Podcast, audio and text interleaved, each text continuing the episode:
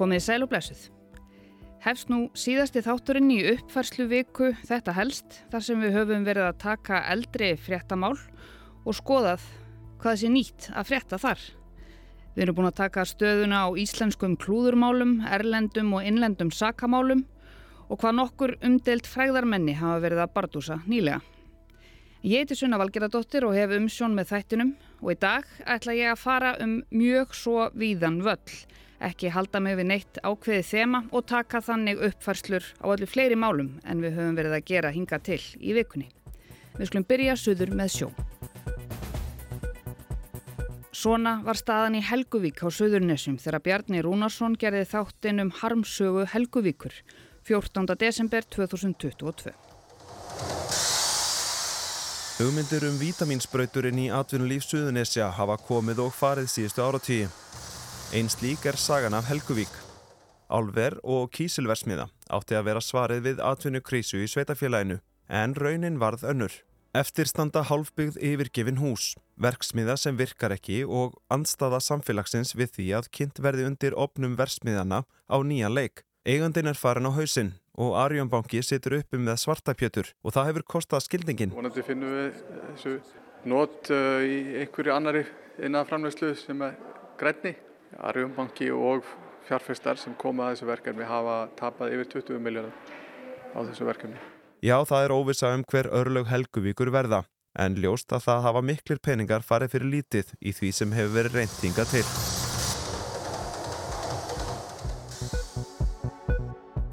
Síðan er liðið meira en hálft ár og enn á nýjuru uppi áform um að rétta af harmsögu Helguvíkur 1. mars bárust fréttir af kaupum Reykjanesklassans á byggingum Norðuráls í Helguvík til þess að breyta þeim í grænan yðngarð, Iceland Eco Business Park.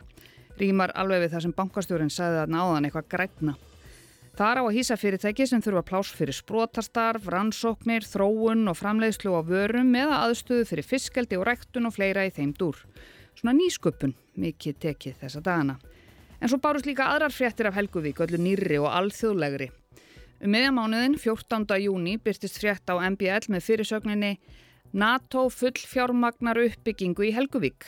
Þar segir að bygging nýs 390 metra langs viðlegukants í Helguvík og 25.000 rúmmetra óljubyrðageimslu verður full fjármögnuð af NATO. Framkvæmdinn er metin á 5 miljardar króna. Þetta er þó háð samþykki Reykjanesbæjar og Þórtís Kolbrún Reykjörð Gilvadóttir Utaríkisráþara segir í samtali við MBL að peningarnir komi allir frá NATO en það verði kanturinn notaður til þess að þjónusta herskip bandalagsins. Svo er bara að sjá hvort þetta alls saman verði að veruleika en svona hefur harmsaga Helguvíkur þróast síðan í desember í fyrra. En hvernig ætli fregnir af hamfara hlínun og loftslagsmálum almennt hafi verið? Svona var þetta minnstakosti fyrir ári síðan, 22. júli í fyrra, þegar fyrðulegar hitabilgjur geisuðu í Evrópu. Hæsti hitin sem mældist í bilgjunni núna var í Portugal, 47 gráður 14. júli. Það er all verulega heitt. Á spáni eru skráð döðsföll vegna hita komin upp í 1500 talsins bara í júni og júli og talan er svipu þó örlítilagri í Portugal. Það var um hátegi við Hýþró sem hitin mældist 40,2 gráður og hita með dagsins voru slegin eftir annað met, heitustu nótt í Breitlandi frá upphafi mælinga. These kind of heat waves are becoming more and more frequent in the coming decades. The negative trend in climate will continue at least until 2060s, uh, independent of our success in climate uh, mitigation. Sumir myndu kannski segja að það væri ekkert endilega verra að fá smá slæðing af þessari bylgu til Íslands þetta sumarið. Allavega á auðvitað ekki að gera grín þegar það ríkir neyðar ástand í loftslagsmálum. Og þá ber að spila klippu úr þætti sem var gerður mánuði eftir hittabilgju þáttinn 23. ágúst um hvað það þýtti einlega að lýsa yfir neyðar ástandi í loftslagsmálum.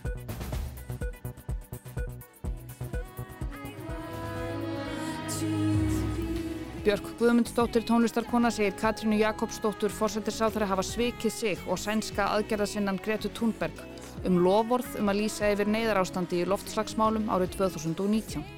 Þegar Katrín átti að gefa út yfir lýsinguna hafði hún hætt við á seinustu stundu að sög Bjarkar. Það liggur alveg fyrir að hún hvatti mig til að lýsa yfir neðarástand í loslasmálum á þessari rástefnu sem þarna vitna til og gerði það í gegnum skilabóð og það var tekið til skoðunar eins og ég saði henni og rætt á vettvangi ríkistjónar. Okkar niðurstað var að hafa aðra nálgun, þar að segja leggja áherslu á aðgerðir Staðan í dag er óbreytt. Við höfum ekki líst yfir neinu neyðarástandi í loftslagsmálum en í februar á Valentínusardaginn 14. fjallaði Snorri Raffn Hallsson um nýja samþygt Evrópuþingsins um að vistmorð sem er stórfældur glæpur gegn náttúrinni er þið hluti af endurskoðaðri Evrópu tilskipun. Það er þau sem sé hefningarlagabrótt að brjóta gegn náttúrinni. Bara sumt er bara það alvarlegt að það skiptir bara raun og veru engu máli eh, að það hafa einhver grætt á því eða eitthvað þannig að við, við verðum bara að ná utanum það að refsa fyrir það og þess vegna er verið að reyna að ná þessu hugtæki núna inn undir fyrir bara eins og alþjóða sakamáladómstólinn. Segir Katrín Ottsdóttir lögfræðingur.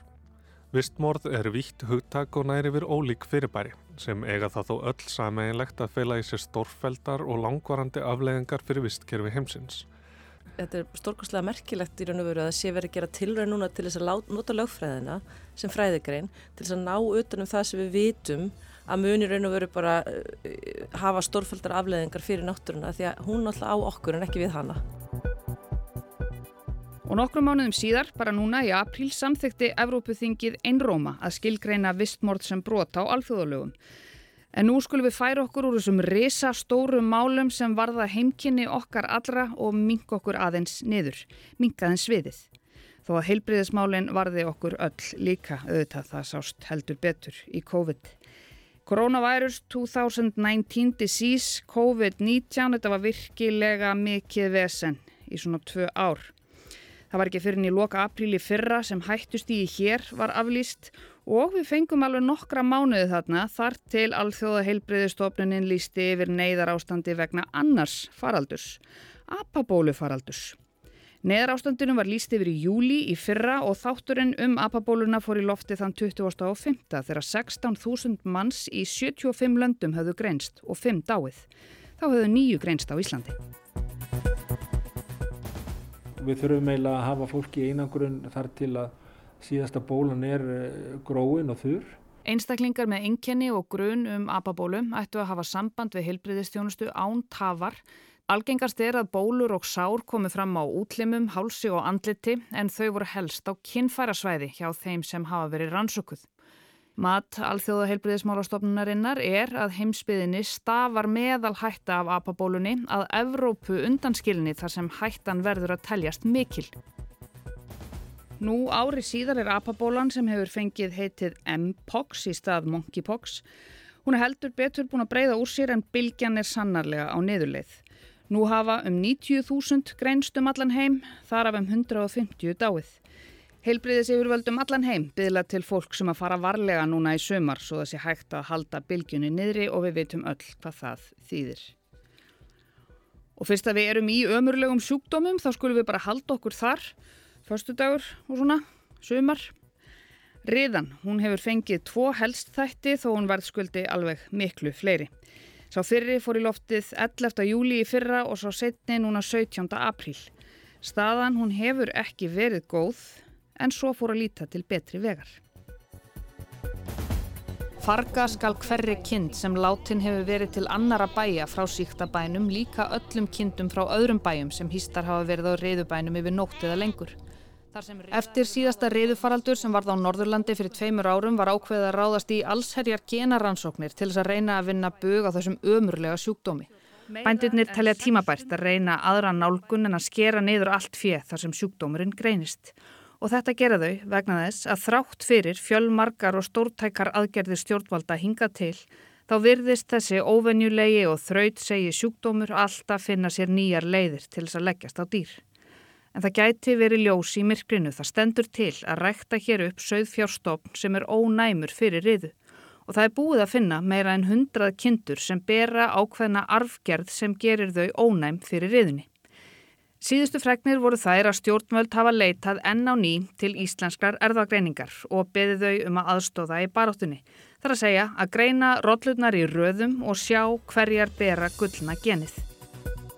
Og helst í nýjustu riðu fréttum er þetta. Fyrir viku síðan kom frétt um fyrstu arfhreinu lömpin á Þernunesi við Eyjafjörð. Þau voru 11. Og strax næsta vetur á þessu ári munu bændur sem nú eiga gimbrar með ARR fá færi á að halda þeim undir ARR hrútum og búa til arfhrein lömp. Við erum konið með staðfestingu á hátt í þúsund gripum sem eru er búið að finna í núna, þessar lömpum sem voru að fæðast í vor, sem eru með ARR argerðina. Þau verða vonandi meira menna öll notið til rektunar og þetta mun alltaf markvaldast ár frá ári. Þetta var Eithór Einarsson, söðfjárrektarnautur hjá ráðgjafa miðstöðu landbúnaðarins 22. júni. Þetta eru góðar fréttir, þetta eru góðar dýrafréttir og það er ekkert betra en góðar dýrafréttir.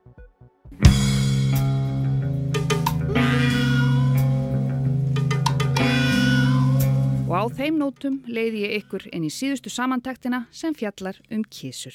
Þetta er ógislegt fyrkindi drullandum alla lóðir og pissandi og vondlíta þessu og drepa fugglana og hvað viltu? Ég vil ekki allast upp í uh, samfélagi þar sem að börnum mín fá ekki að hýtta ketti. Í byrjun nýsárs, þann 7. janúar voru akureyskir kettir á dagskráni eins og þeir höfðu verið hjá kjörnum fulltrúum akureyrar undan farin 12 ár eða svo. Í fundargerð framkvæmdaráðsbæjarins síðan í desember 2010 fyrir 12 árum síðan segir Kvartað var undan lausagöngu katta og vildi viðkomandi að bæjar yfirvöld tækju í taumana. Þetta er skriðandi inn í gluggaði á fólki og gera þarfið sína inn í húsum og allavega. Nokkrum mánuðum síðar í mars 2011 var þetta mál svo rætt í bæjarstjórn. Veturinn 2016, þremur árum síðar, rætti umhverfisnemnd akkurirar þetta enn og aftur. Svo leið eitt og hálft ár. Umhverfis og mannvirkjaráð saði þarna að ekki standi til að gera breytingar á reglum um kattahald. Ári síðar, vorið 2019, var málið aftur tekið fyrir hjá umhverfis og mannvirkjaráði. Og þarna dróð til tíðinda. Það var samþygt að taka til endurskoðunar samþygtir um kattahald í Akureyrabæ með það að markmiði að setja skorður við lausagöngu katta. Tveimur árum síðar, vorið 2021, var lagt til að auglýsa og fræða bæjarbúa um áhrif á lausagöngu katta og endurskoða svo reglurnar. En svo gerist þetta í november sama ár, lausaganga katta bönnuð frá að með áramótonum 2025. En í april, kortir í kostningar, gerðist reyndar svo litið.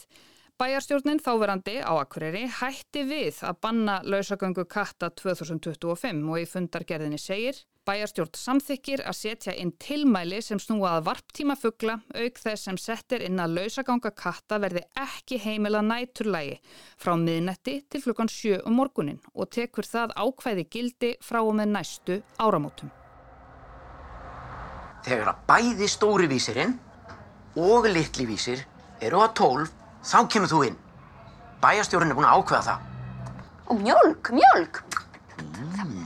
En kísur á Akureyri ganga enn frjásarum nætur. Banni tók ekki gildi eins og til stóð. Nei, þetta tekur ekki gildi. Þetta þarf að fara í setni umræðu sem hvað reglum og við tökum þetta nú fyrir á næsta, næsta fundi sem er 17. janúar. Segir Heimir Örn Árnarsson fósiti bæjastjórnar og það sé alveg óljóst hvað gerist við þá umræðu. Það er búið að fara bæði mikil tími og mikil orka, líklega peningar líka í þetta mál hjá stjórnandum Akureyrarbæjar.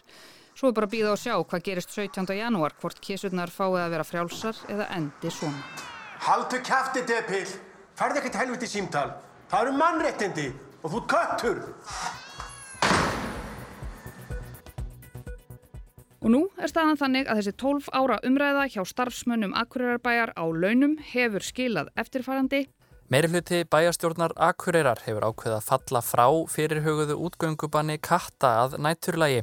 Samtíkt hafi verið að reglunar tækju gildi um áramót, að því varð ekki og nánar átti að ræða málið á bæjastjórnafundi í vikunni. Hefðu staðan er volað einföld, það verður bara ekki tekið meira fyrir og, og regluna munur bara ekkert breytast, þannig að hérna, þetta er bara komið onni í skuffu. Þetta var 20. janúar og á Akureyri er staðan eins og hún var fyrir að verða 13 árum síðan óbreytt. Kettir ganga lausir eins og þeir gerðu 2010. Fuck you kitty, y'all gonna spend the night Fuck you kitty, y'all gonna spend the night Fuck you kitty, y'all gonna spend the night Outside! Og með þessari lít umdeldu íhaldsemi ætla ég að senda ykkur inn í sumarið.